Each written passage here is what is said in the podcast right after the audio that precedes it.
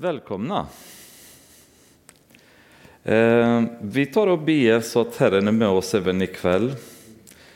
Och framförallt att tankarna blir rätt, orden blir kryddade av helig Andens ledning så att ni kan få liven förändrade, mig inkluderat.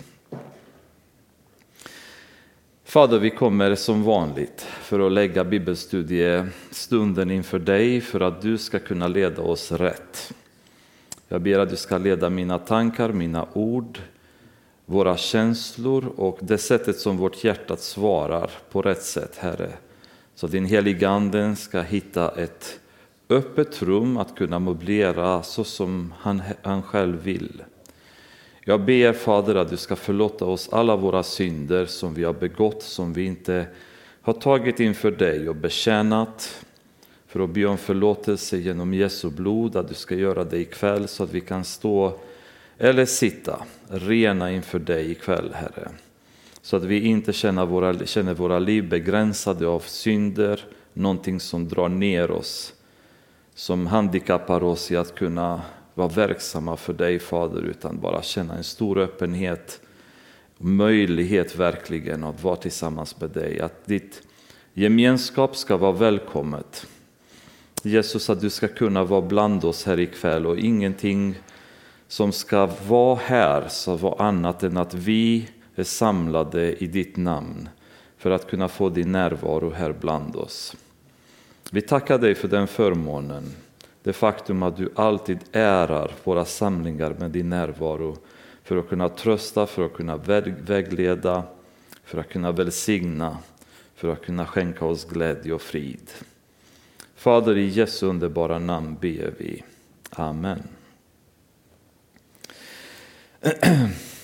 Vi lämnade förra gången kapitel 17 eh, där Paulus efter han hade varit i Filippi hade gått vidare till Thessalonike och från Thessalonike efter det hade blivit uppror i staden vidare till Berea där eh, mötet var lite roligare, lite mer öppet i Berea än i Thessaloniki därför att bereanerna var mycket mer eh, benägna till bibelstudier helt enkelt än de i Thessaloniki.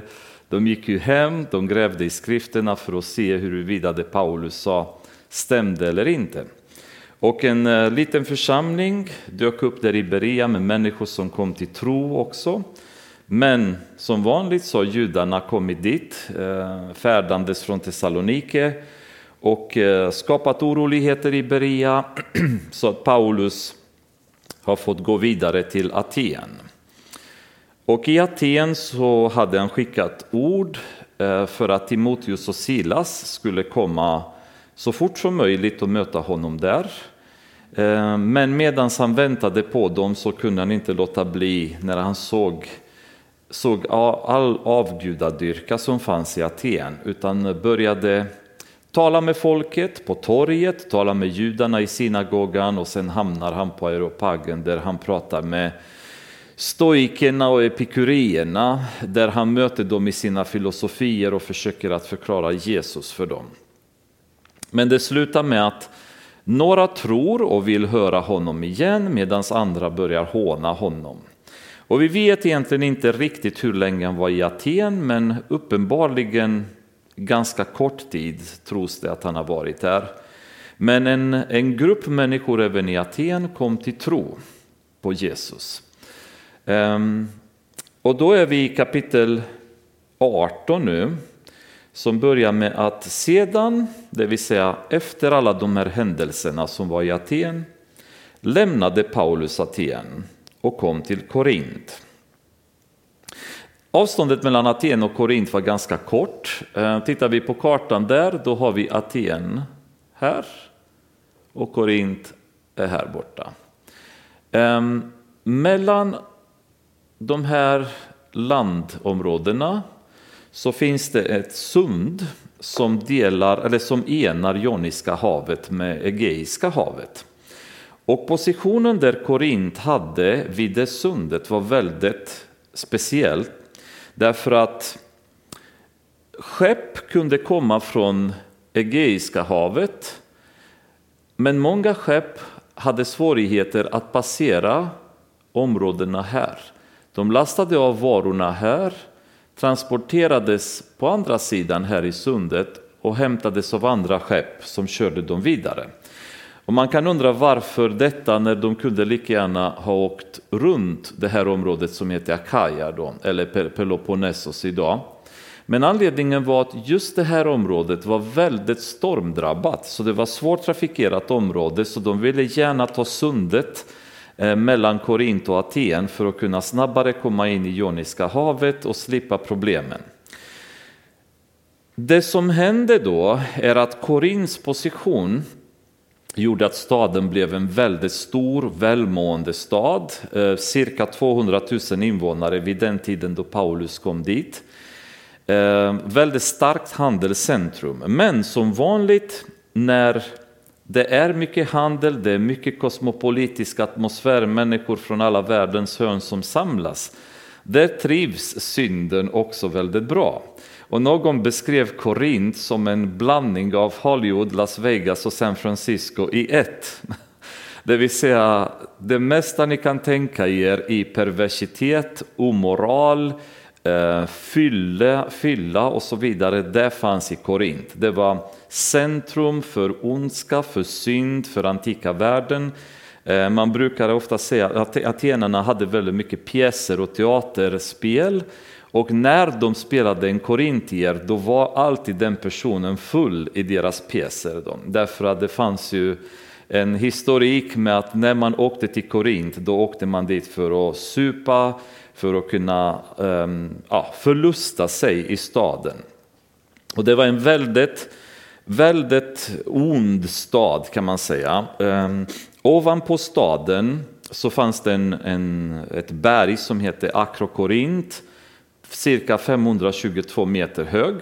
Och på det berget så fanns det ett Akropolis, eh, tempelområde då, där ett av templen var Afrodites tempel.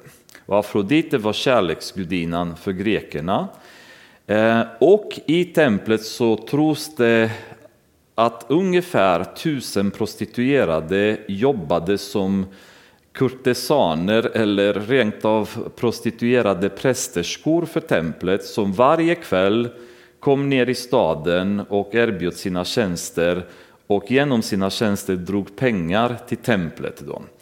Eh, vilket gjorde att alla handelsmän, sjöfarare, eh, de älskade att komma till Korint därför att när man kom dit då kunde man Eh, förlusta sig, då kunde man festa, party, då stämning var i staden, pengarna rullade in. Och det är ju därför man brukar säga Las Vegas, San Francisco med homosexualitet och sexuella perversiteter, Hollywood med en samling av alla, alla typer av konstigheter. Alla tre tillsammans så får man Korint på den tiden då. Så det var en stor stad som eh, år 146 före Kristus det hade varit ett uppror i staden mot romerska riket, vilket resulterade i att de mer eller mindre jämnade staden ut med marken för att kunna slå ner upproret. Men staden sen började byggas på nytt och under Caesars tid, år 46 eh, före Kristus, då kom staden kan man säga till den punkten där det utnämndes som Akajas huvudstad och Akaja ser ni det här området här nere då. Så det blev huvudstaden för hela områden och området och nu kom staden kan man säga till sitt högsta, sin högsta position. Romarna hade skickat dit en prokonsul också, vilket var en väldigt hög guvernör kan man väl säga, som styrde över staden. Så det var inte bara en romersk utpostering utan det var romerskt territorium med romerskt styre rakt igenom. Och eh, den här är ungefär situationen, eller hur staden såg ut när pa Paulus kommer nu från Aten eh, efter han hade mött förföljelse hela vägen då kan man väl säga från Filippi till Thessaloniki, Berea, hån i Aten. Så kommer han nu i den här staden eh, troligen ensam eller inte med sina starkaste kompanjoner, det vill säga Timoteus och Silas. Kanske fanns det andra som följde med honom, men troligen inte män av den andliga styrkan som man hade haft med sig tidigare. Så mer eller mindre kan vi säga att han kommer ensam i den här staden som var syndens näste på den tiden. I första Korintierbrevet kapitel 1, vers, eh, kapitel 2, eh, vers 2, då beskriver han att när han kom till Korint, då var han svag, rädd och mycket orolig. Och nu är det Paulus vi pratar om, en man som vi vet var ganska orädd, som satt i fängelse med Silas, han sjöng, han brydde sig inte om förföljelse, han vågade gå in i elden utan att tveka. Dock så kommer han till Korint, svag, rädd och mycket orolig, uttrycker han det. Och man kan bara föreställa sig om ni någon gång har varit ute att evangelisera. Eh, känslan när man, när man närmar sig ett ställe och man bara känner det övermäktigt. Hur ska jag göra? Var ska jag ens börja? Jag, jag upplevt en sån situation när vi var i Rumänien en gång och så var vi vid Svarta havet. Och då hade vi ibland, vi stod vid stranden, spelade lite musik, predikade. Och just vid ett tillfälle så började vi på morgonen och allting kändes bara så svårt, så motigt, så tungt.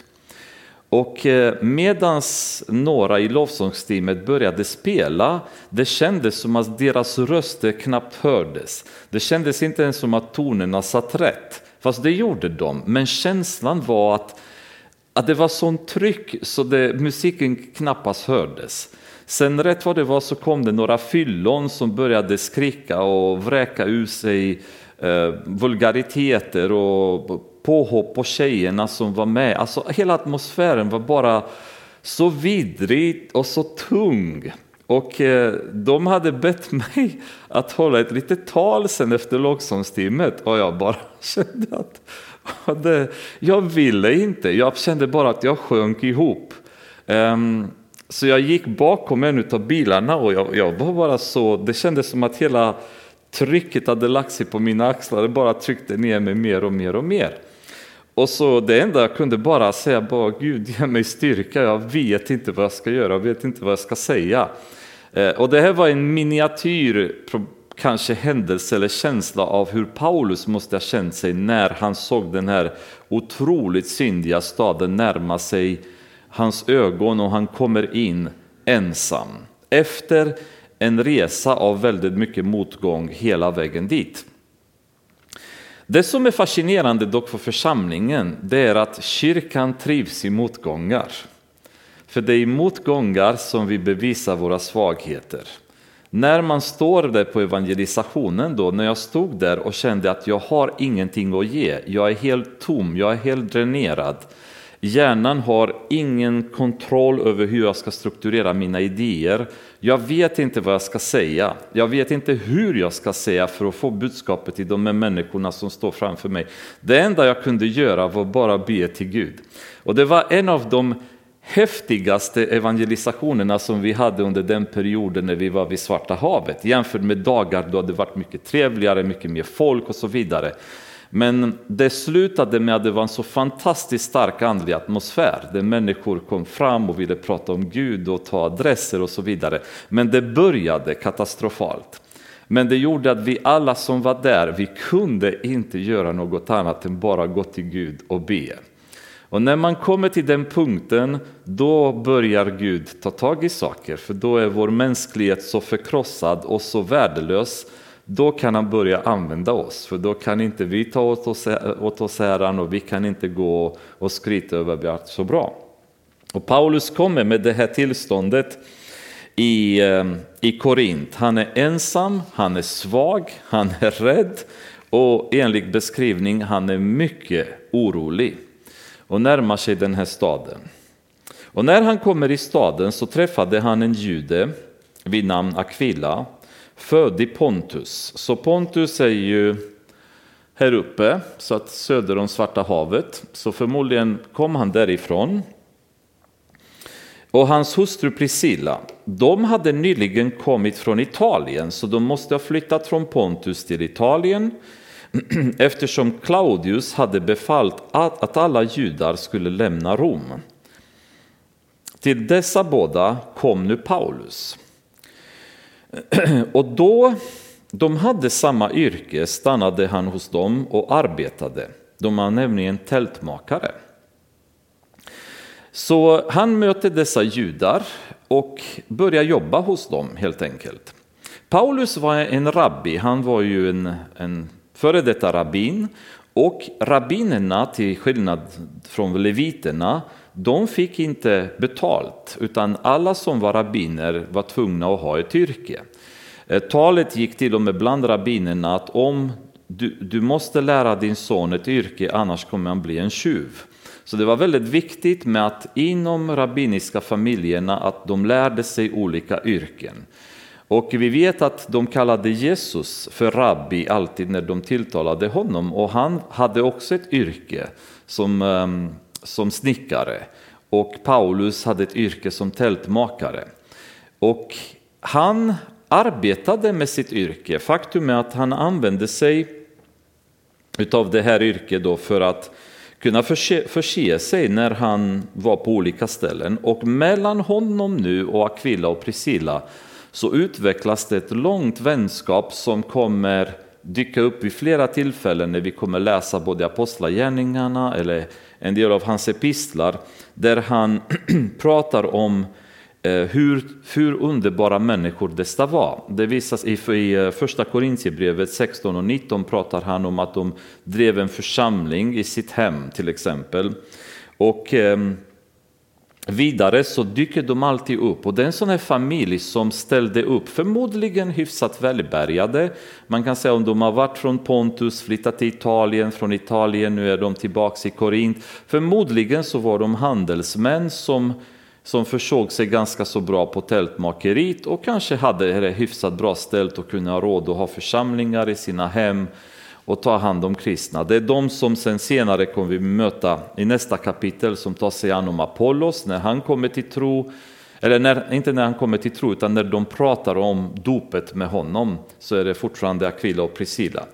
Och det är en sån här familj som man känner att det är ju riktigt, riktigt skönt att lära känna och ha som vänner, som alltid ställer upp, som alltid är med när man behöver dem. Och Paulus har alltid bara goda ord att säga om dem.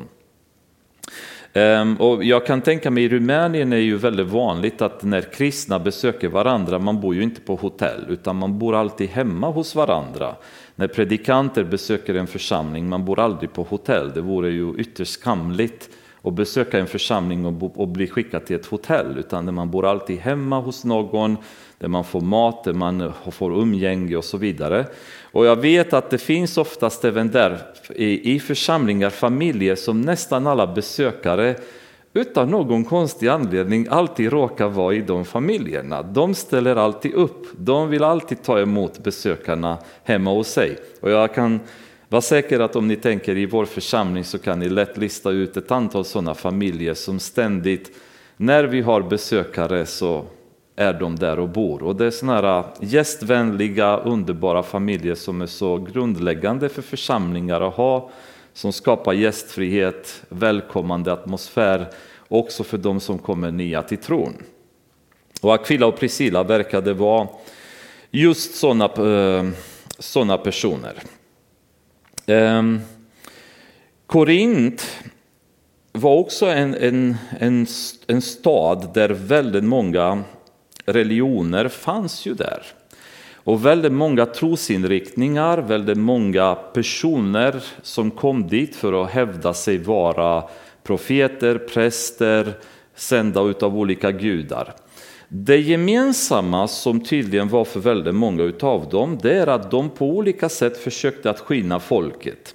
Att få eh, ta, ta del av deras pengar eller utnyttja deras gästfrihet eller slippa betala för olika tjänster och så vidare. Och Paulus när han kommer in, han kommer in då och han ser detta beteendet då, han beskriver bland annat det här beteendet när han pratar med, med kyrkan i Filippi. När han skickar brevet i kapitel 3, vers 19, han betraktar dem som, som människor där deras buk gör dem till sin Gud. och sätter sin ära i det som är deras skam, dessa som bara tänker på det jordiska. Människor som, som går och utnyttjar andra människor och dessa fanns ju sedan även i församlingar. Ehm, som ehm, Paulus till och med avråder en del från gästfrihet när det gäller sådana som bara utnyttjar vissa änkor och går i deras hem och utnyttjar deras hem och så vidare. Samtidigt som Paulus och Bibeln uppmuntrar att den som arbetar är värd sin lön. Så det är inte fel att arbeta i församlingen och få betalt för det eller få någonting tillbaka för att man gör det. Men Paulus varnar för att det finns människor som utnyttjar detta, som gör detta för att berika sig, för att tillfredsställa sin buk, för att kunna få makt över folket och så vidare. Och det är de som han är väldigt mycket emot. Det som jag har funderat väldigt länge på, det är att i vår moderna kyrkosystem som finns idag, om ni tänker, alltid verkar det så att när man blir pastor, då jobbar man heltid i församlingar. Och personligen skulle jag nog säga att vi borde kanske tänka om lite grann och se, måste vi jobba heltid som pastorer? Eller kan vi också förse oss själva och ändå tjäna i församlingen? Det är inte fel att få betalt, men Paulus betonar gång på gång hur viktigt det var för honom att aldrig vara till belastning för en församling utan att alltid förse sig själv. Han tog alltid emot hjälp från församlingar och var tacksam för det. Filippi bland annat har skickat väldigt mycket hjälp till Paulus och han är jättetacksam. Men han säger samtidigt, det är inte så att jag behöver det. För Gud tar hand om mig. Men för er skull blir jag jättelycklig, för då kan ni själva nu uppleva välsignelser från Gud för att ni är så generösa. Så han är väldigt tacksam när han får hjälp, han har inga problem att nyttja hjälpen. Han har inga problem att dela vidare hjälpen till andra som har behov av hjälp. Men han vill klara sig själv och inte vara till belastning för någon. Så jag skulle säga att även om det är korrekt att en som arbetar i församlingen är värd sin lön, så skulle jag nog önska att vi skulle se mer Paulus mentalitet i vår tid där människor försöker att så mycket som möjligt förse sig själva med hjälp från församlingen om församlingen vill. Eller delvis, eller part-time, eller timanställning, eller hur man vill säga i moderna termer. Men när det finns fall när en församling kanske har 40-50 medlemmar och då ska en pastor komma in och jobba heltid. Dessutom så vill man kanske anställa en ungdomsledare ovanpå det. Man kan undra, behövs det verkligen? Eller finns det utrymme för att man ska jobba och ändå ta hand om församlingen? Jag pratade med Patrik just om detta en gång och Patrik sa ja, men det är ganska mycket som behöver göras. Eh, och då är det frågan, vad är det som behöver göras? Är det väldigt mycket administrativt? Är det mycket skicka annonseringar till SLA eller kontakt, eh, kontakta Pingst FFS eller mycket sån här pappersexercis. Är det mycket att göra andligt, det vill säga mycket plö, alltså plöja oss genom Bibeln, vara med på bönen, besöka de sjuka och så vidare. För om det är mycket administrativt, då finns det diakonerna i församlingen vars roll är att ställa upp på administrativa områdena och hjälpa till där. För att de som är äldste ska kunna hinna med de andliga bitarna. Och då kanske skulle det vara fullt möjligt att en pastor hinner mycket väl ha ett arbete men också besöka en del i församlingen som har det jobbigt. Sen finns det inte bara en pastor utan den äldste kår vars uppgift är detsamma, det vill säga att undervisa församlingen, att leda församlingen andligt. Så jag skulle nog säga att för församlingarnas välmående så vore det väldigt bra om fler skulle försöka följa Paulus exempel. För det är också så att jag vet inte om någon pastor som har jobbat i vår församling har känt så, men man har ju hört i många andra församlingar. pastorer som delar frustrationen över att de vill göra så mycket andligt, alltså de har en sån vision från Gud om vad de skulle vilja göra, hur de skulle vilja införa, förändra saker. Men det finns det här motståndet från eh, äldste kår som spjärnar emot eller församlingsmedlemmar som inte vill. Och det hänger lite det där hotet om att det är vi som betalar dig lönen så det är bättre du gör som vi säger ungefär. Och även om man vill stå rakryggad så finns det en risk att man inte är lika frimodig när man är beroende finansiellt av en församling. Och Paulus pratar om en gång, och det är intressant att han använder ordet att han är stolt. Och man tycker att ordet stolt kanske borde inte komma ur Paulus mun. Men han säger att han är stolt över att han har, han har varit på det sättet. Därför att då har han liksom inte varit till belastning för någon, han har följt Guds vilja i allt han har gjort. Och det finns en styrka i det som jag tror både pastorerna själva skulle känna på och församlingarna själva skulle känna på. Men det är inte kritik och det är inte att säga att det är felaktigt att man betalar en pastor en lön. Det är fullt bibliskt, fullt accepterat. Men det förvånar mig att det är så få som jobbar enligt Paulus system idag i moderna församlingarna. Och går vi steget ännu längre bort än så, till det som jag anser eh, går över till missbruk av det systemet, så är det pastorerna som verkligen utnyttjar församlingen finansiellt. För att kunna bli känd, för att kunna använda församlingen som en ramp för att kunna längre bort, komma längre bort i sin karriär inom andliga livet på något sätt. Att kunna använda sig av sin position för att skriva en massa böcker på vilka man ska tjäna massa pengar sen och berika sig. Skapa en businessorienterad funktion i församlingarna och tack och lov Sverige är ändå inte så farligt drabbad och sånt. Men tittar man i USA, det är avarterna av församlingar där pastorerna är businessmän och inte herdar längre är ju massor. Och det Förr eller senare så kommer det till Sverige, det som finns i USA, så det är lika bra att vi är vaksamma kring det. Det där tycker jag är så otroligt farligt. Där plötsligt dessa människor är inte där som herdar för att kunna leva i ödmjukhet och känna församlingen, utan de är där för att skinna församlingen och berika sig och bli stora och kända. Jag har, svårt, jag, jag har väldigt svårt att tänka mig en som Paulus skriva en bok copyrighta den boken och ta betalt för det sen. I bästa fall så skulle han ta betalt och ge pengarna till de fattiga eller till församlingarna eller var som helst. Men jag har så svårt att föreställa mig honom skriva en bok, skriva en epistel, alltså föreställa episteln till kyrkan i Korint som han copyrightar så att ingen kan kopiera och dela vidare. Han anser att det han har fått är från Gud. Men han copyrightar det så att ingen kan dela vidare det han har skrivit. Är detta ett kristet beteende? Har ni tänkt någon gång? Är copyright av kristna böcker okej? Okay? Kan vi copyrighta någonting som vi anser Gud har lagt på vårt hjärta och vi begränsar möjligheten att det budskapet går till så många människor som möjligt? Det ni har fritt fått ska ni ge vidare fritt. Använder vi oss av det konceptet inom kristendom idag? Vår musik, kan vi copyrighta kristen musik?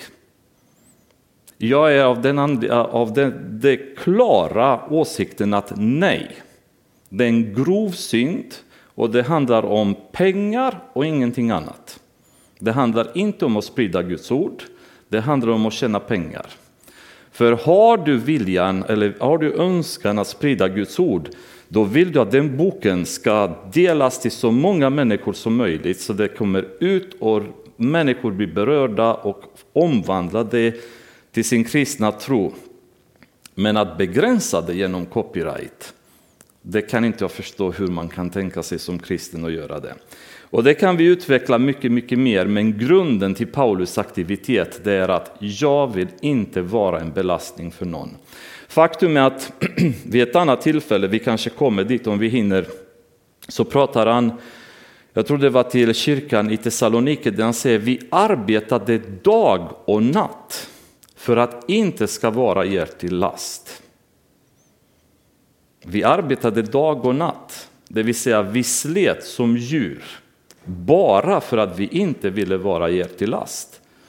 Vi var inte ute efter att ha ett bekvämt liv, vi var inte ute efter att ha massa fritid och njuta av vårt liv, utan vår uppgift var församlingen och evangeliet och det gav vi allt för. Och det krävde att vi jobbade hårt, vi kanske var uppe på nätterna och sydde tält för att vi ska kunna sen vara ute och predika evangeliet också och inte behöva belasta någon med det. Väldigt häftigt exempel som tyvärr är jag förvånad att det inte används av många. Och jag är ändå uppvuxen i en kultur där predikanter som kom till församlingarna, de tog aldrig betalt. Så man kom alltid, man besökte församlingarna och predikade Guds ord utav ren glädje för att vi skulle höra varandra och ha gemenskap. Att en predikant skulle komma och ta betalt. Det hade varit en chock för oss.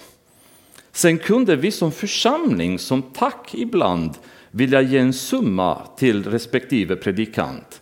Men det var aldrig att någon kunde tänka sig att säga jag vill komma och predika till er och jag vill bo på det hotellet och ni ska betala mig så mycket pengar.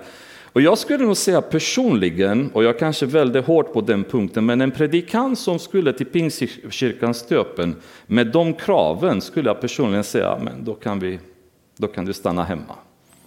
En sån person kan jag inte se, det finns en brinnande anledning och vilja att sprida Guds ord.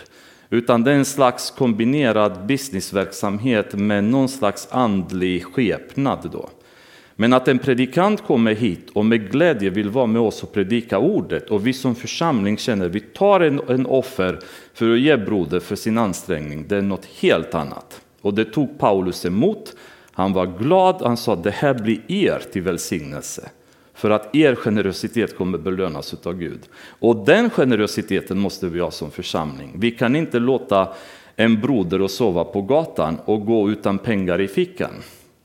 Men tvärtom, att bli skinnade för att man ska predika Guds ord, det har jag väldigt svårt att acceptera. Men eh, det kan vara så, åsikterna kan delas, men jag har svårt att se det utifrån Bibeln att det där är okej okay att göra. Då. Men Paulus valde att jobba på det sättet. Vi kan läsa lite verser då i andra Korintierbrevet kapitel 11. Pratar han lite grann om just hur han, eh, hur han gjorde när han var i Korint. 11, vers 9.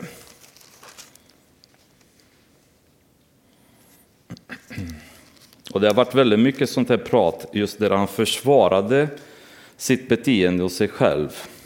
Men han sa, när jag var hos er och saknade något låg jag ingen till last. För bröderna som kom från Makedonien försåg mig med det jag behövde, det vill säga hjälp som man fick från kyrkan i Filippi. På alla sätt aktade jag mig för att bli en börda för er och det tänker jag fortsätta med. I första Thessalonikerbrevet kapitel 2 Eh, det fanns, det fanns så många sådana verser egentligen, men jag har bara valt några. Eh, kapitel 2, vers 1. Nej, förlåt, vers 9. Bröder, ni minns ju hur vi arbetade och slet. Natt och dag arbetade vi för att inte ligga någon av er till last medan vi predikade Guds evangelium för er. Vi arbetade dag och natt och slet. Och slet. För det där när man kommer till att slita för evangeliet, det kräver så mycket mer från oss. Det kräver att, det kräver att vi offrar vår fritid, våra hobbys, mycket annat som vi skulle hellre vilja göra istället vi tar bort allt detta och så sliter vi istället. Det sliter på oss. Det är inte något som vi gör som är lätt och smidigt som vi på något sätt lyckas att blanda in i vår upptagna almanackan utan vi gör det så mycket till, punkt, till den punkten så det blir slitsamt för oss. Men det, allt detta som man säger, det är för, för Guds evangelium, för att predika Guds evangelium för er. De brann för detta och det var viktigt för dem.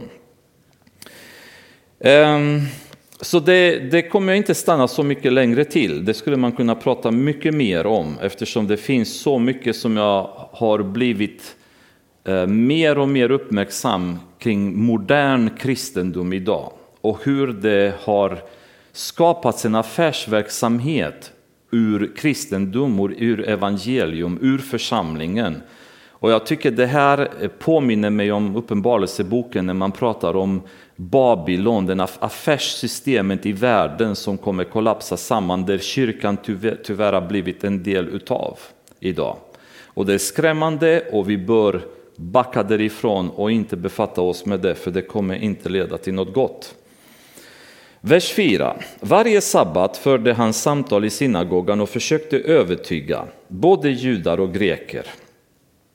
När Silas och Timoteus kom ner från Makedonien var Paulus fullt upptagen med att förkunna, förkunna ordet och vittna för judarna att Jesus är Messias. Men när de gick emot honom, hånade honom, skakade han dammet från sina kläder och sade till dem, ert blod ska komma över era egna huvudet, jag är utan skuld. Från och med nu går jag till hedningarna. Så äntligen nu kommer Silas och Timoteus tillbaka från Makedonien. Då, så hade de hunnit nu vara i Korint ett tag innan de återvände. Och när de kommer dit, då hittar de Paulus i full fart i det vanliga samtal med judarna. Och eh, effekten är ju, kan man säga, nästan det vanliga, det vill säga att de blir upprörda, de hånar honom. Och det är intressant att även idag, vi skulle kunna samtala med människor om nästan vad som helst. Vi kan sitta och diskutera Mohammed, vi kan diskutera gnosticism, vi kan diskutera eh, österländsk mysticism och, och diskussionerna kan vara väldigt länge. Men så fort vi börjar ta med Jesus in i samtalet så börjar folk skruva på sig. I bästa fall så börjar de gäspa, Eh, rikta blicken någon annanstans. I andra fall så kan de säga ah, ah, ah det där är liksom inte riktigt något jag är intresserad av eller tror på. Eller, eller i värsta fall så hånar eller förföljer. Men man skulle vilja önska att någon skulle kunna förklara varför varför leder Jesu namn eller Jesu person till en sån aversion i deras sinne och själ. Vad är det i Jesu liv eller Jesu undervisning som de går emot? Är det när han säger att vi ska älska varandra? Eh, är det när han säger att om någon slår oss på en kind så ska vi vända andra kinden också? Är det när han säger att om någon är i nöd så ska vi vara där och hjälpa den personen som är i nöd. Vad är det i hans predikan, i hans undervisning som skulle få någon att bli så aggressivt emot honom? Och egentligen så skulle ingen kunna peka på ett enda negativt aspekt utav Jesu undervisning som kan göra att jag blir arg, att jag blir eh, irriterad på det. Men däremot så förklarar Jesus väldigt tydligt att de som är i mörkret, som lever i mörkret, de hatar ljuset därför att ljuset speglar av det sättet som de lever på. Och ni kommer ihåg, vi har pratat under de senaste bibelstudierna om den här vikten av att förstå att människorna är fastbundna utav denna världens första i kedjor. Satan äger människorna i världen, han håller dem fastbundna och han förblindar dem. Och för att kunna bryta detta så krävs det ett andligt ingrepp. Det krävs att helige anden är där och bryter de här kedjorna för att evangeliet ska kunna ge resultat. Hela apostlagärningarna är egentligen helige andens intåg genom församlingen i världsscenen på ett öppet sätt. Men det är också ett exempel på Satans motstånd för helige andens arbete. Satan permanent försöker att stå emot, försöker att förtrycka människorna för att inte de ska höra vad heliganden har att säga. Och här har man återigen människor som har samtalat med Paulus, de har diskuterat säkert flera gånger, men så fort det kommer till att Jesus är Messias, då tappar de det. Eh, och det, det, är den känslan av att frälsningen är nära, för förståelsen av att Jesus är Messia leder till nästa steg. Jag tror på honom, därmed så blir jag frälst. Det är då Satan kämpar så hårt för att stoppa dem och de är i den här situationen när Paulus har slitit och slitit och slitit med dem, men de bara kommer ingen vart och till slut så säger Paulus, jag skakar av dammet på mina kläder, Eh, blodet får falla, falla på era, över era huvuden. Ni kommer ihåg i Hesekiel pratar Gud till Hesekiel hur viktigt det är att han går och talar om till judarna vad Gud hade sagt. För om han inte gör det då kommer deras blod krävas från honom. Men om han gör det då har han svurit sig fri från blodet som kommer drabba dem därefter. Och samma uppmaning ges av Jesus, att om ni går i en stad och ni predikar evangeliet, de inte tar emot det så ska ni skaka av dammet från era fötter och i sista dagarna kommer det vara lättare för Sodom och Gomorra än för den staden när de står inför Gud. Och det gjorde Paulus och Barnabas när de gick ut ur Antiochien i Pisidien i kapitel 13. Paulus gör det igen här och den här andra steget kommer alltid. Jag skakar av dammet inför er judar och jag går till hedningarna. Jag har gjort det jag skulle. Jag har prioriterat er så som Jesus har sagt. Nu är jag fri. Nu kan jag gå till hedningarna. Och det häftiga är att, att gå till hedningarna i det fallet, det är inte ett jättestort steg han gör. Han gick därifrån, vers 7, och tog in hos Titius Justus, en man som vördade Gud och som hade ett hus alldeles intill synagogan. Så det enda han gjorde, han gick från synagogan till nästa hus och vad hände då? Krispus, föreståndaren för synagogan och hela hans familj kom till tro på Herren. Även många andra korintier som lyssnade kom till tro och döptes.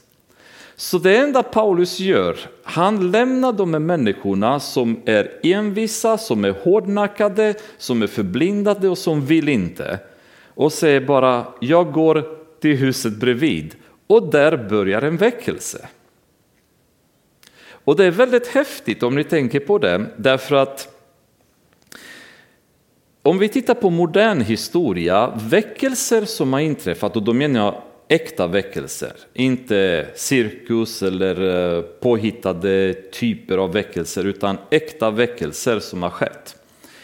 Tyvärr, i de flesta fallen så har de varit tvungna att uppstå utanför de etablerade församlingarna. Därför att de etablerade församlingarna blir så hårdnackade, så, mots, alltså så heliga andens resistenta, så traditionella, så religiösa, så heliganden får inget utrymme att verka i de församlingarna. Mänskliga påfund, mänskliga teorier, högmod tar så stor plats i så många församlingar så väckelse kan inte ske. Och man kan predika och man kan försöka och man kan kämpa och så bangar man bara huvudet mot en vägg därför församlingen är inte villig utan snarare motvillig till vad heliganden vill göra. Men det kan hända att man går ut till nästa hus, till nästa gata, till nästa stad och där bryter väckelsen ut. Och tittar man på hur väckelser har skett i modern tid, de har följt i princip det där mönstret som Jesus säger att du kan inte, du kan inte sy en ny lapp på gamla kläder för det spricker allting då. Man måste börja på nytt. Och önskemålet vore att detta skulle aldrig behöva ske, att församlingarna skulle vara så aktiva andligt, så nära Gud, så vi är ständigt beredda för att Gud ska kunna göra förändringar, människor som kommer till tro ska kunna växa i våra församlingar och metastasera kring hela samhället där det sprider sig överallt. Men det går ju många gånger inte, för församlingen är motvillig att acceptera det som heliganden vill göra. Och Paulus gjorde det han skulle. Han önskade, hans ständiga vilja var att judarna skulle lära känna Jesus och bli frälsta. Det var inget han brann för så mycket. Han var beredd att själv bli förbannad bara hans folk skulle lära känna Jesus. Så mycket älskade han judarna. Men gång på gång fick han gå ut, lämna dem, gå till hedningarna och det bryter ut väckelsen. Och det är precis vad som händer i Korint, där dels församling, synagog, alltså föreståndaren för synagogan blir frälst. Och föreståndaren det betyder att det var typ vaktmästartjänsten, det var inte att det var präst och så vidare, utan det är de som ja, styrelseordförande kanske skulle man kunna säga med dagens ord. Då. Han och hans familj blev frälst. Och sen många andra korintier. Så Paulus var bland judarna, han predikade, han försökte, inget intresse. Men samtidigt som fanns det utanför en värld som längtade efter Jesus, som behövde höra ordet. Och när de gjorde det så blev de frälsta. Så det kan vara intressant för oss i, i vår, vår önskan och vilja att följa Gud och följa en kallelse till att predika evangeliet, att känna efter i vår relation med Gud när det är dags att gå vidare. För ibland så faktiskt står vi vid ett läge där hur mycket vi än bangar mot väggen så kommer det inte rivas ner. Utan vi behöver bara lämna det, gå vidare och där har Gud förberett något annat för oss där stort resultat kan inträffa. Eller resultatet som han vill att, att det skulle inträffas. Men um, detta Eh, skapade kan man säga den situationen då Paulus kände jag går vidare. Han eh, utvecklar lite mer, så om vi tittar i första Korintierbrevet kapitel 2, kommer läsa bara en liten längre bit där.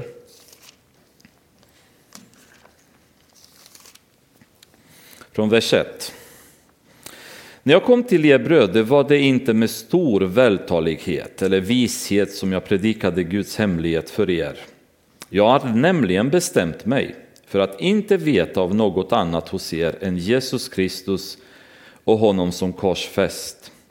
Svag, rädd och mycket orolig kom jag till er. Mitt tal och min predikan kom inte med övertygande visdomsord utan med bevisning i ande och kraft. Er tro skulle inte bygga på människors visdom utan på Guds kraft. Visshet förkunnar vi dock bland de vuxna, en visshet som inte hör till den här världen eller den här världens härskare som går mot sitt undergång. Nej, vi förkunnar Guds hemliga och fördolda visshet som Gud från evighet har bestämt ska bli till härlighet för oss. Den vissheten har ingen av den här världens härskare känt. Hade de känt den skulle de inte ha korsfäst härlighetens Herre. Så det Paulus gjorde nu, han lämnade allt, all diskussion kring religiositet, traditioner, sånt som säkert hade diskuterats väldigt mycket med judarna. Han går till hedningarna och han säger det enda jag gjorde det var bara att predika Kristus och äkta visheten genom heliganden. Och det är ganska befriande att komma till de här människorna vars hjärta längtat så mycket efter Gud. Så när man kommer dit så kommer man inte få de här märkliga frågorna. Men om, om verkligen är det så att uh, Gud är som han är, hur kommer det sig att Jupiter inte snurrar tre gånger snabbare? Såna här, ni vet sådana märkliga frågor som man bara känner, men snälla. Liksom. Eh, det är den, den slöseri med tid som Paulus i princip säger, det här har jag skakat av dammet från mina fötter mot. Jag går till hedningarna och där predikar vi ett enkelt evangelium med kraft från heligande, med visshet från Herren och det ger väckelse. Och det är jättehärligt. Eh, Korint var inte lätt. Det var en mycket, mycket svår stad att ta sig in i. Och Paulus hade sina, sina problem. Och det var kanske tufft. Väckelse påbörjas nu. Men rädslan och tyngden låg fortfarande på Paulus axlar. Det var inte borta än. En natt sade Herren i en syn till Paulus, var inte rädd, utan tala och låt dig inte tystas, jag är med dig Ingen ska röra dig eller skada dig för jag har mycket folk här i staden. Så mitt i den här tviveln som Paulus befinner sig i så, så går Gud in och ger honom en syn. Vi tycker att det är väldigt jobbigt när vi tycker att det är jobbigt.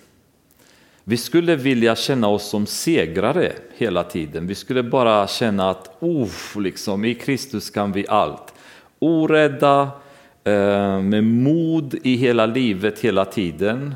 Aldrig känna oss nedstämda, bara känna rakt igenom glädje och Jesu frid som övergår all förstånd ständigt fyller vårt hjärta. Men när dödsskuggans dal blir så svart som Korint blev. Även Paulus mötte, mötte andlighetens krafter, alltså svarta krafterna så mycket så det påverkade honom väldigt mycket. Och i detta så ser Gud hur han befann sig och bestämmer sig Gud, jag ska in och ingripa. Han får en syn och då får han en bekräftelse att du befinner dig på rätt plats, du gör rätt det du gör och fortsätt att göra det.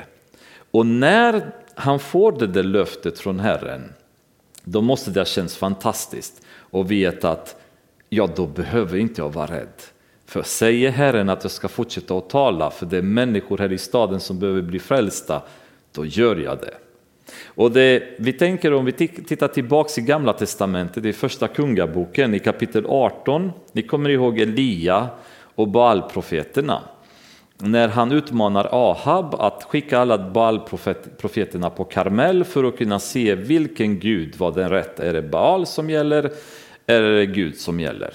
Och ni känner till berättelsen, det slutar med att eh, han slaktar alla Baals profeterna när deras altare aldrig fattade eld. 400 stycken dödar han där på Karmel. En, en eh, climax av hans andliga liv kan man väl säga. Och det borde vara liksom bara, oh, nu är det Gud som gäller. Tills han hör att Ahab har bestämt sig att hämnas och döda honom. Så Elia får panik och han sticker iväg till Horeb berget där han sitter ensam och mår jättedåligt där. Och mitt i den här ångesten och förtvivlan som han upplevde, och man kan tycka att det borde han inte ha gjort, när han har gjort allt han har gjort, när han såg vilken mäktig Gud han har. Men, men han är bara människa och en sekund sänker man gardet och så blir det så här.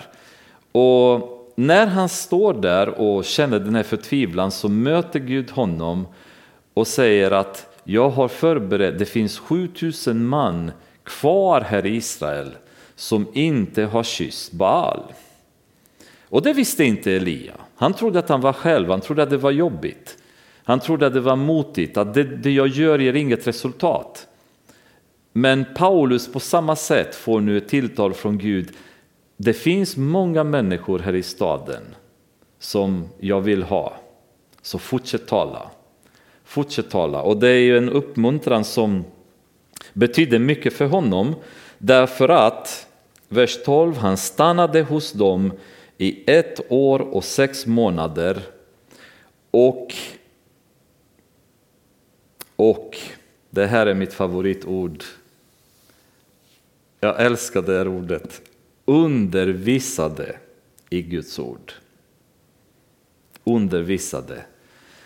Att kunna undervisa en församling det betyder att man tar församlingen och bygger de kristna grunderna tydligt så att de vet vad de tror på, de vet vad Guds ord handlar om och de har en stark grund att stå på. Och jag är säker att en undervisning från Paulus i ett år och sex månader i en församling eh, motsvarar mycket mer än de flesta bibelskolor vi kan tänka oss idag och ändå Läser vi första Korintierbrevet, i andra Korintierbrevet, vilka problem den här församlingen ändå har haft. Trots ett år och sex månaders undervisning av Paulus så fanns det en man i församlingen som levde ihop med sin faders fru. Det fanns ju splittringar i församlingen, missbruk av andliga gåvor som heter duga, stökigt, där kvinnorna väsnades på möten och härjade. Det var liksom en väldigt problemfylld församling. Inte bara med problem, men väldigt mycket problem. Efter ett år och sex månaders undervisning av Paulus, föreställ er idag de församlingar där det inte finns någon undervisning alls. Förstår ni vad som försiggår i sådana församlingar idag? Vilka teorier människor har, vilka trosinriktningar de får. Allt ifrån eh, att tro att synden inte är synd till att tro på Jesus i olika former, till att inte ens tro på jungfrufödelsen, till att inte ens tro på frälsningen, till att inte ens tro på att vi får en kropp efter att vi dör och vi blir uppryckta till himlen, utan det blir bara en själavandring vi kommer uppleva. Allt ifrån att det finns ingen, ingen himmel, utan vi bara går ut i intet. Alltså detta, dessa är teorier som finns även i kristna församlingar idag och undervisas. Eh, kristna församlingar som undervisas att vi är gudar och vi är på samma nivå som Gud. Det är så mycket som finns i kristna församlingar idag, avarter av undervisning, därför att det är ingen som har undervisats. Utan det har predikats, det kanske har skrikits från predikostolar, det kanske har haft häftiga konserter och det har varit häftiga evenemang. Men människorna har inte fått en undervisning. Och Paulus pratar att de är fortfarande som bebisar. Och de i Korint har fått väldigt mycket undervisning och ändå har de haft så mycket problem. Vad händer när du inte får någon undervisning alls? Vilken svält, vilken andlig svält människorna går igenom och vad desperata de börjar tugga på allting som verkar som någon slags mat. Men det är gift och det är någonting som förstör dem, men de vet inte för de är desperata för att äta någonting för de får ingen mat. Och det här kommer vi se väldigt mycket i hela Paulus verksamhet i Apostlagärningarna, hur mycket vikt han lägger på undervisningen. Kyrkan i Efesos säger han att jag har deklarerat allting som står i Guds råd. Allting som har med Gud att göra, från början till slut har jag gjort känt för er. Han har inte dolt delar av Bibeln eller bara betonat vissa, han har gått igenom allt med dem de tre år som han var i Efesos och undervisade dem. Så undervisning, jag skulle nog säga, sagt länge och säger fortfarande, en församling som har bra undervisning har inget behov av bibelskolor. För i församlingen växer eh, de kristna i kunskap om Guds ord. Och då kan man bli frisk, man blir stark och då börjar man använda det man vet med andra människor där ute. Och han stannar där och undervisar dem, han lämnar inte dem utan tar sig tid. Och det etablerades en stor församling sen i Korint, återigen inte problemfri, men en stor församling som man också har berömvärda ord för. Så de var inte helt igenom korrupta, men de hade allvarliga problem. Och detta också på grund av att Korint var så fruktansvärt jobbig stad att befinna sig i. Och han pratar med dem i Korint och berättar att eh, till exempel de som är Eh, som är drinkare, de, drickare, de som um, begår äktenskapsbrott och så vidare. En hel lista säger de kommer inte ärva himmelriket. Och några utav dessa var ni, säger han till dem. Så att de som kom i församlingen var före detta manliga prostituerade, var före detta prostituerade, var före detta homosexuella som man beskriver i texten, var alkoholiserade var människor som levde i förlustelser. Dessa blev sen frälsta och var kristna. Och det är klart att många av dem kanske hade problem att falla tillbaka och ni vet hur det är. Så det var en tuff stad att överleva i som kristen. Och en lång undervisningsperiod krävdes det förmodligen för att församlingen ska vara någorlunda stabil och stark. Um, så det, det, är ju någonting som jag brinner för och tycker det vore extremt viktigt för alla församlingar att införa seriös bibelundervisning i församlingarna. Så att vi vet vad vi tror på, vi vet vad treenigheten är, vi vet hur människorna kommer. Bara en sån här grej. Jag pratade med Elise om det eh, och hon sa till mig, pappa var har du läst i Bibeln att om man tar, eh, om man tar emot Jesus i sitt hjärta så blir man frälst? Det finns inte en vers i hela Bibeln som säger att om du tar emot Jesus i ditt hjärta så blir du frälst. Däremot så står det att om du tror på Jesus och om den tron sen eh, skapar förändring i ditt liv, alltså det blir en omvändelse genom tron, då blir du frälst. Men alla de här intressanta orden som sägs på, sägs på evangelisationer som låter vackert, de finns inte. Men vi har ju skapat en egen teori. liksom. Sen att Jesus förvandlar vårt hjärta genom tro och det blir förändring i oss, självklart. Men just konkret så finns det inget ställe i Bibeln där det står tar du emot Jesus i ditt hjärta så blir du frälst. Men om du tror på Jesus och att han uppstått från de döda, då är du frälst. Och Jakob säger vidare sen om din tro Eh, visar på omvändelse, då vet du att din tro har varit rätt. Så du inte tror att du tror, att du bara säger Herre, Herre, men han känner inte dig.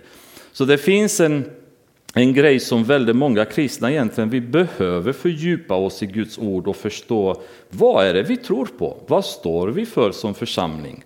Och det finns väldigt mycket, ni märker i församlingar hur Samboförhållanden ökar och homosexualitet kryper in i församlingar och massa olika grejer som folk kanske känner att ah, det där känns lite konstigt men ingen riktigt vet hur ska vi argumentera kring Bibeln. Är det okej? Okay? Är det inte okej? Okay? Men vi ska vara kärleksfulla och det är ju deras barn eller deras dotter och de är så snälla ändå så vi får vara noga. De får göra som de vill lite. Och det blir så här konstigt när ingen vet riktigt vad är det Bibeln står för. Vad säger Gud att vi ska göra? Hur ska vi leva vårt liv som kristna? Och hur ska jag leva mitt liv utanför församlingen? Vilket är också ett stort problem. När Paulus pratar bland annat om vikten av att ha ett ett vårdat språk till exempel. Att, att, att ha alltid ord som välsignar. Och jag tänkte många gånger när man läser sånt här och så är man på jobbet och så känner jag hur ofta är mina ord en välsignelse för mina arbetskamrater, för mina kunder, för människor jag interagerar med och hur många gånger är de inte det? Hur lever jag mitt liv? Är jag medveten om de här kraven som Bibeln har ställt? Men det kommer när man undervisar Guds ord, när man tar tid i ordet så börjar ordet verka och förvandla våra liv.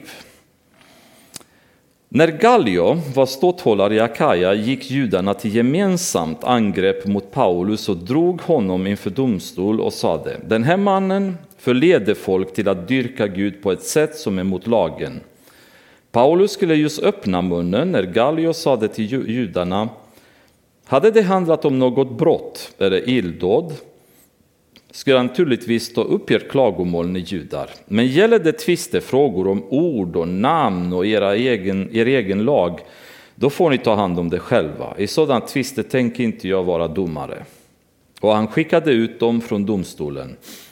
Alla grep då synagogaföreståndaren Sostenes och misshandlade honom mitt framför domarsättet utan att Galio brydde sig om det.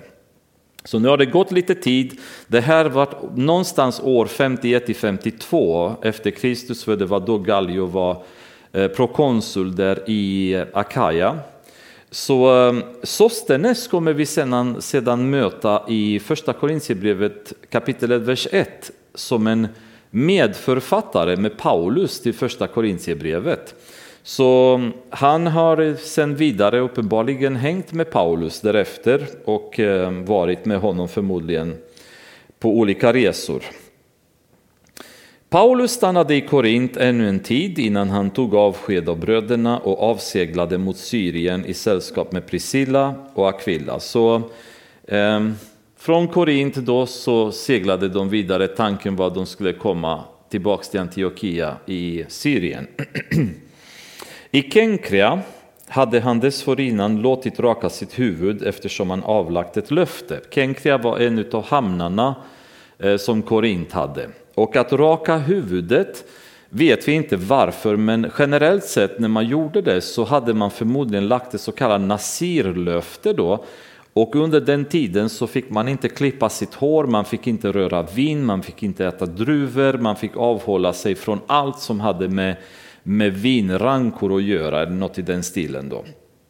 Så han hade avlagt ett löfte, löftet hade förmodligen avklarats och nu kunde han raka sitt huvud äntligen i Kenkria. De kom till Efesos och då är de på andra sidan i Asien här nu. Och där lämnade han de andra. Själv gick han in i synagogan och samtalade med judarna. Så det är första kontakten han har med kyrkan, i, eh, med eh, judarna i Efesos. Han hade längtat tidigare att komma just till Asien när heliganden hade förhindrat dem och, och, fått dem att åka över till Makedonien. Men nu på väg tillbaka så stannade de i Efesos. Han möter judarna och samtalar med dem i synagogan. Eh, de bad honom att stanna längre, men han avböjde och tog avsked och sade jag kommer tillbaka till er igen, om Gud vill. Sedan seglade han ut från Efesos. Ehm, I Jakob, eh, fjärde kapitlet, det här är någonting, jag vill bara ta en, typ, en väldigt kort stund kring det. Det är någonting som jag mer och mer har fått för min egen del tänkt på ehm, väldigt mycket på jobbet. Man bokar tider. Vi bokar tider för mässor, vi bokar tider med möten med leverantörer, återförsäljare och så vidare. Och så säger jag bara, ah, men vi ses nästa vecka klockan fyra på tisdag eller något sånt här.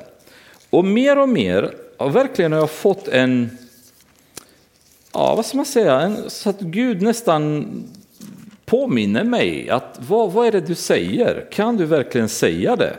Vi ses nästa vecka på tisdag klockan fyra. Paulus säger, eh, Jakob säger i första, nu är jag för trött, eh, Jakob säger kapitel 4, vers 13 så här. Och det, det är någonting som jag måste bli otroligt mycket bättre på. Jag hoppas att ni är väldigt bra på det själva. Lyssna nu, ni som säger idag eller imorgon ska vi resa till den eller den staden, stanna där ett år och göra affärer och tjäna pengar. Ni vet inget om morgondagen. Vad är ert liv? Ni är en dimma som syns en liten stund och sedan försvinner. Istället borde ni säga om Herren vill och vi får leva ska vi göra det eller det. Men nu skryter ni och är självsäkra. Allt sådant skryt är av ondo. Det är det som har verkligen fått mig Alltså det är av ondo, det är inte bara att ah, du har missat eller du har tänkt lite fel där, utan det är av ondo när jag säger jag ska göra det, jag ska åka dit, jag ska träffa dig då, utan att jag tillägger om Gud vill. Och det som är ännu värre, det är att flera gånger när jag sagt det på telefon eller direkt till folk, så får jag tanken att jag måste säga om Gud vill. Men då vill jag inte säga det för det låter lite religiöst om jag säger det. Och det blir nästan ännu värre, därför att då skäms jag över Jesus, då skäms jag över min tro. Då vågar jag inte säga till dem vad jag egentligen står för. Så det här har jag nu jobbat på och jag är fortfarande inte framme där.